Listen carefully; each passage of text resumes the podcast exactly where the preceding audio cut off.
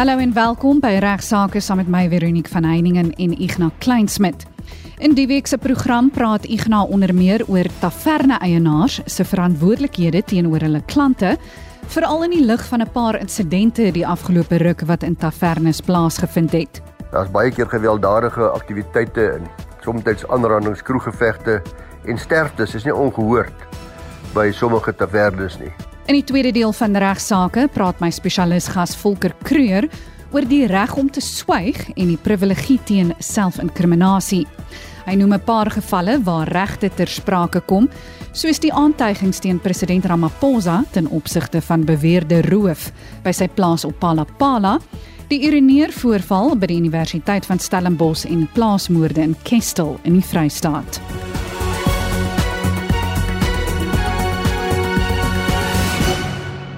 Ons begin vandag se program met Ignas wat praat oor die nuwe wet op eiendomspraktisyns of die Property Practitioners Act of PPA.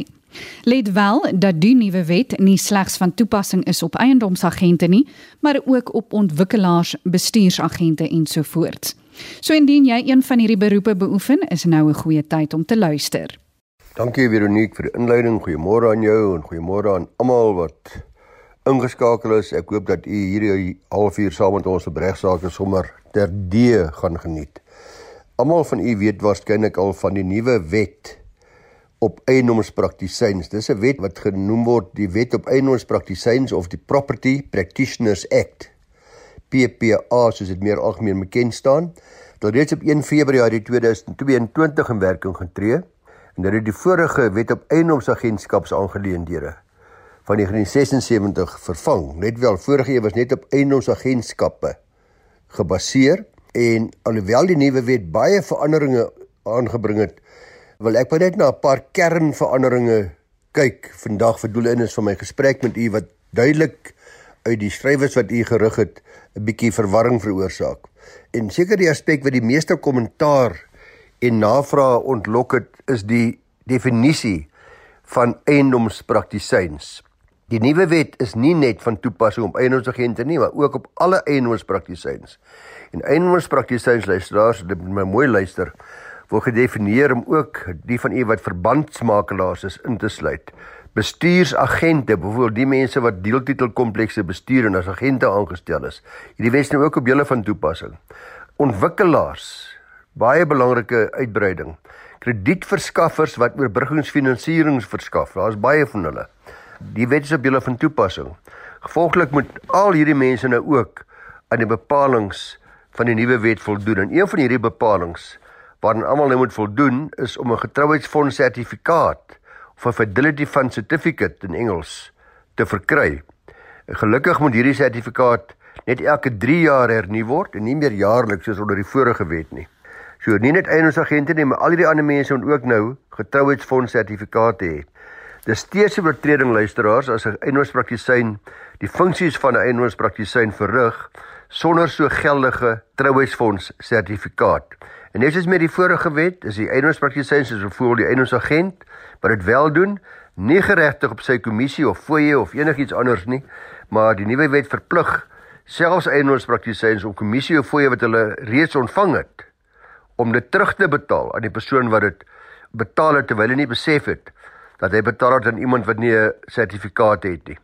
Addisioneel tot dit is die eiendomspraktisyn ook verplig om die kommissie of fooie wat hulle ontvang het terwyl hulle nie daartoe geregtig was nie, met ander woorde, hulle het nie 'n sertifikaat gehad nie of hulle was nie geregistreer nie, om dit outomaties aan die eiendomspraksisyns getrouheidsfonds oor te betaal. Dis sonder versoek. Hulle moet dit self uit eie wil, uit eie beweging doen.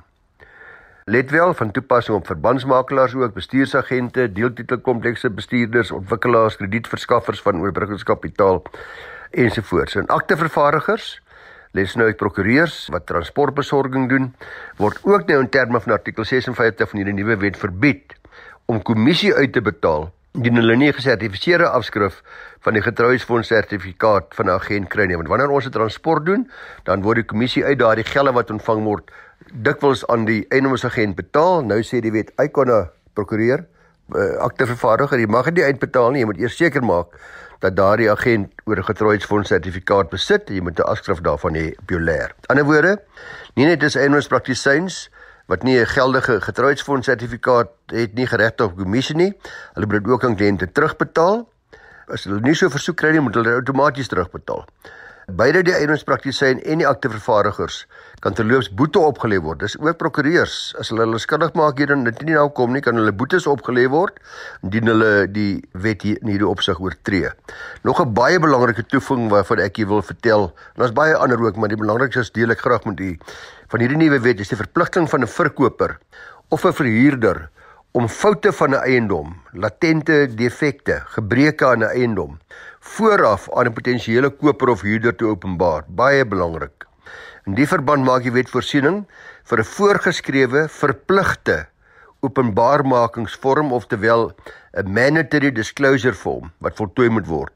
Hierdie vorm maak byvoorbeeld voorsiening daarvoor vir vrae met betrekking tot die toestand van die rioolstelsel, die struktuur, die fondasies, die swembad, die elektriese sisteme van die eiendom ensovoorts. Dis alle gebreke, ook die verborgde gebreke wat elke dag deur uh, gewetenlose verhuurders of verkopers weggesteek word of weggever word of op 'n of ander manier terwyl hulle bewus is van die gebrek nie geopenbaar word nie.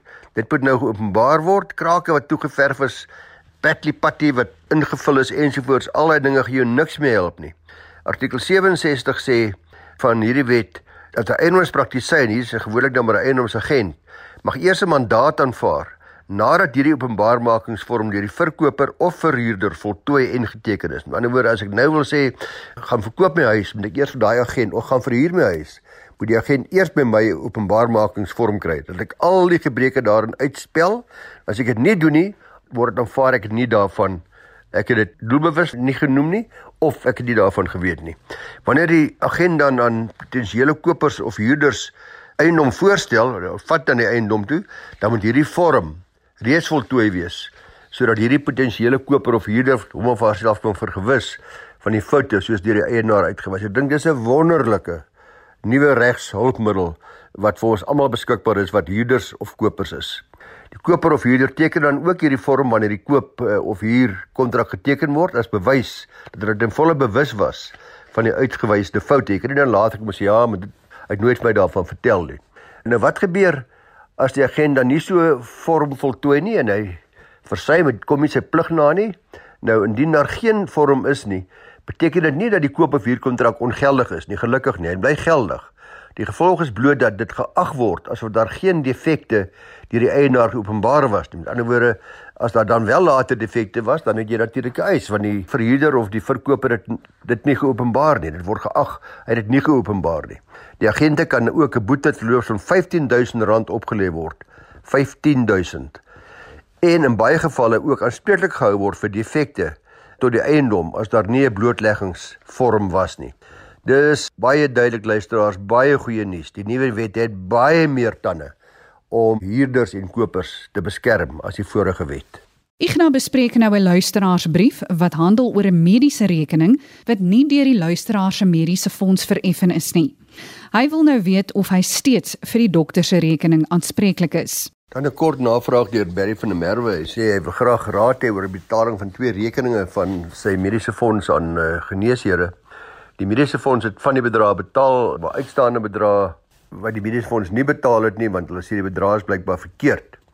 Die dokters het 'n PMB verslag gestuur aan die fonds en hulle wil nog steeds nie betaal nie. Nou wil ek graag weet, wat gaan ek doen? Moet ek verantwoordelik gehou word vir die bedrag of moet die dokters dit maar self met die fonds uitklaar of wie die pligte en wie nie?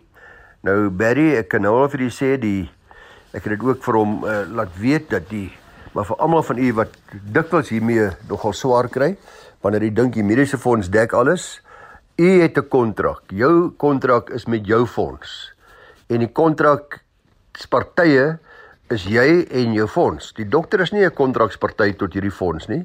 As jy wat by die fonds ooreenkom dat hulle gaan jou mediese kostes betaal volgens die reëls van daardie mediese fonds en al wat die dokter moet doen, hy aanvaar intussen dat die mediese fonds gaan betaal, maar natuurlik bly u ten volle aanspreeklik.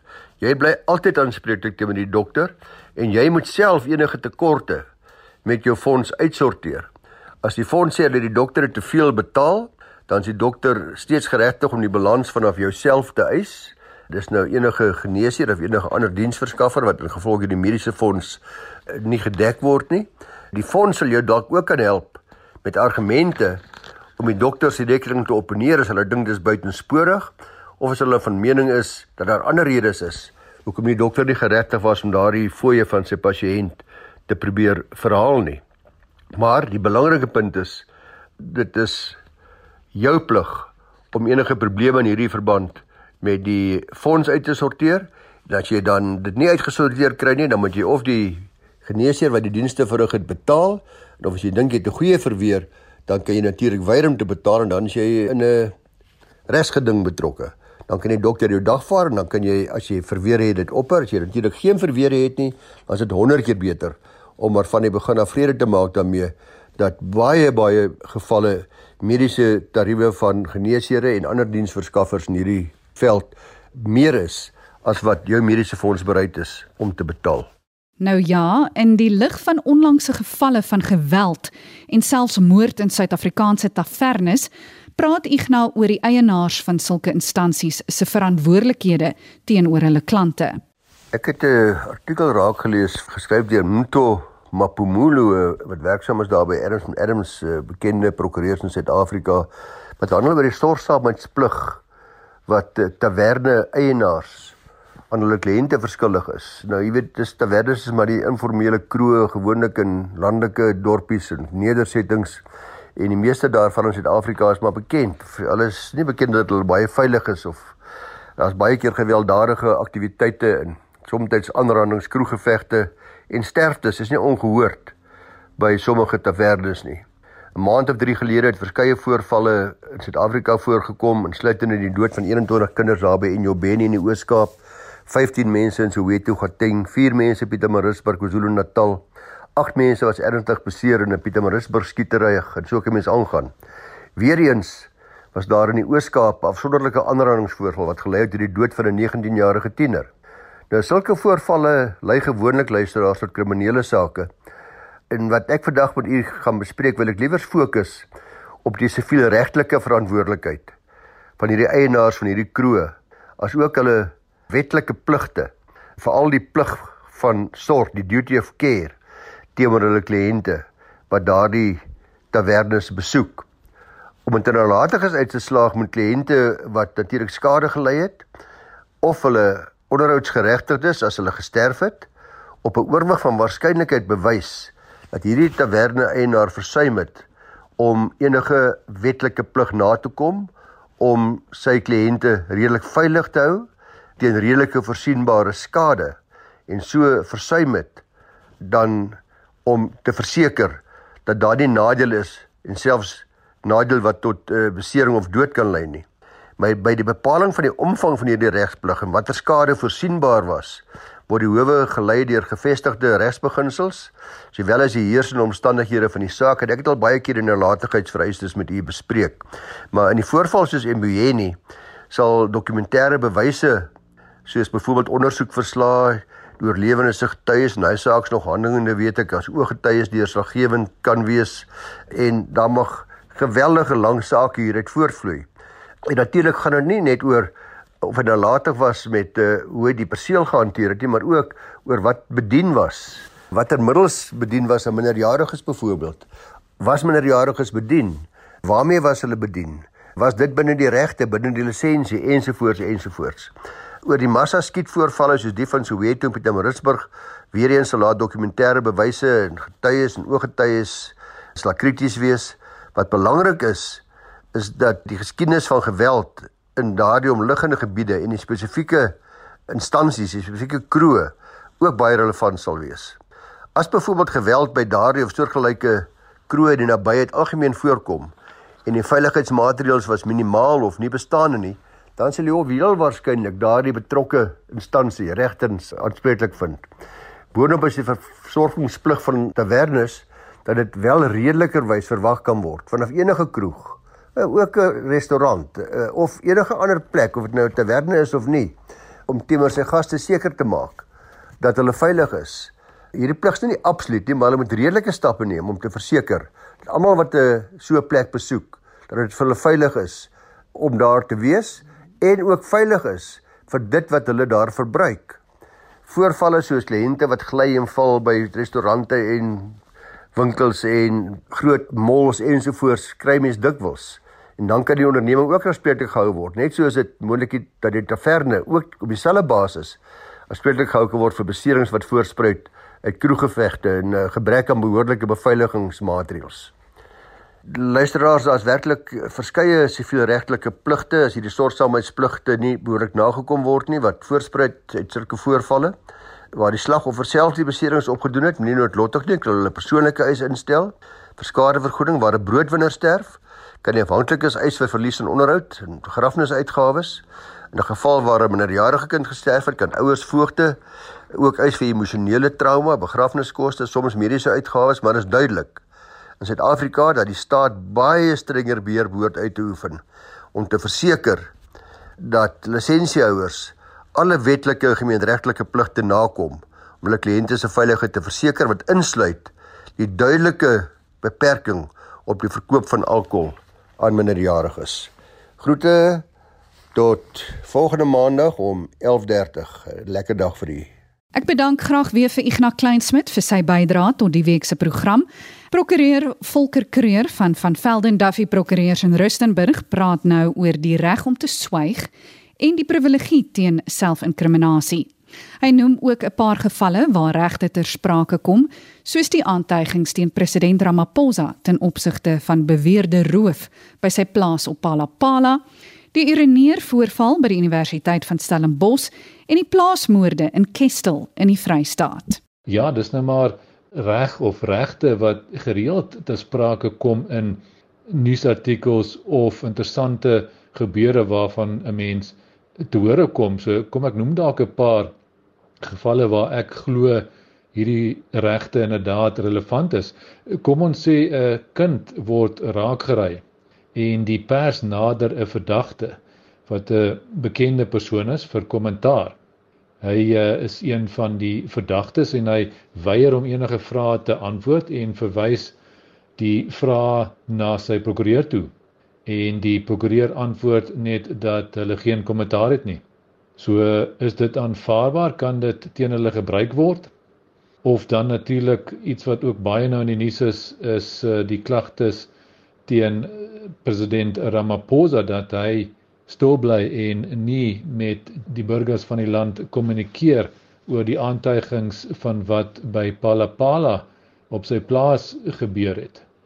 Of die plaasmoorde in Kestel Vrystaat waar daar 'n uh, interessante ding gebeur het in die Landbouhof volgens 'n uh, berig in netwerk 24 Nou daar het blykbaar voordat die verrigtinge vir die man se eerste hofverskyning kon begin, die uh, Landrostia Becker hulle gevra of hulle beswaar het teen die media se opneem van die hofverrigtinge.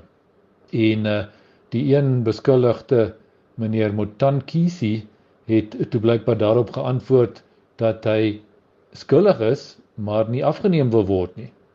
So kan daardie antwoord van die persoon nou teen hom gehou word in die strafverhoor of natuurlik ook die baie bekende Ireneer voorval by die Stellenbosch Universiteit waar ook baie in die pers berig word en uh, waar daar blykbaar tydens die verhoor ook gebruik gemaak is van stellings wat die klaar die meneer Ndawayana gesê het en wat hy ehm um, kwyt geraak het teenoor persone teenoor joernaliste en ehm um, dat dit dan ook tydens kruisondervraging gebruik is om die geloofwaardigheid van sy getuienis aan te veg.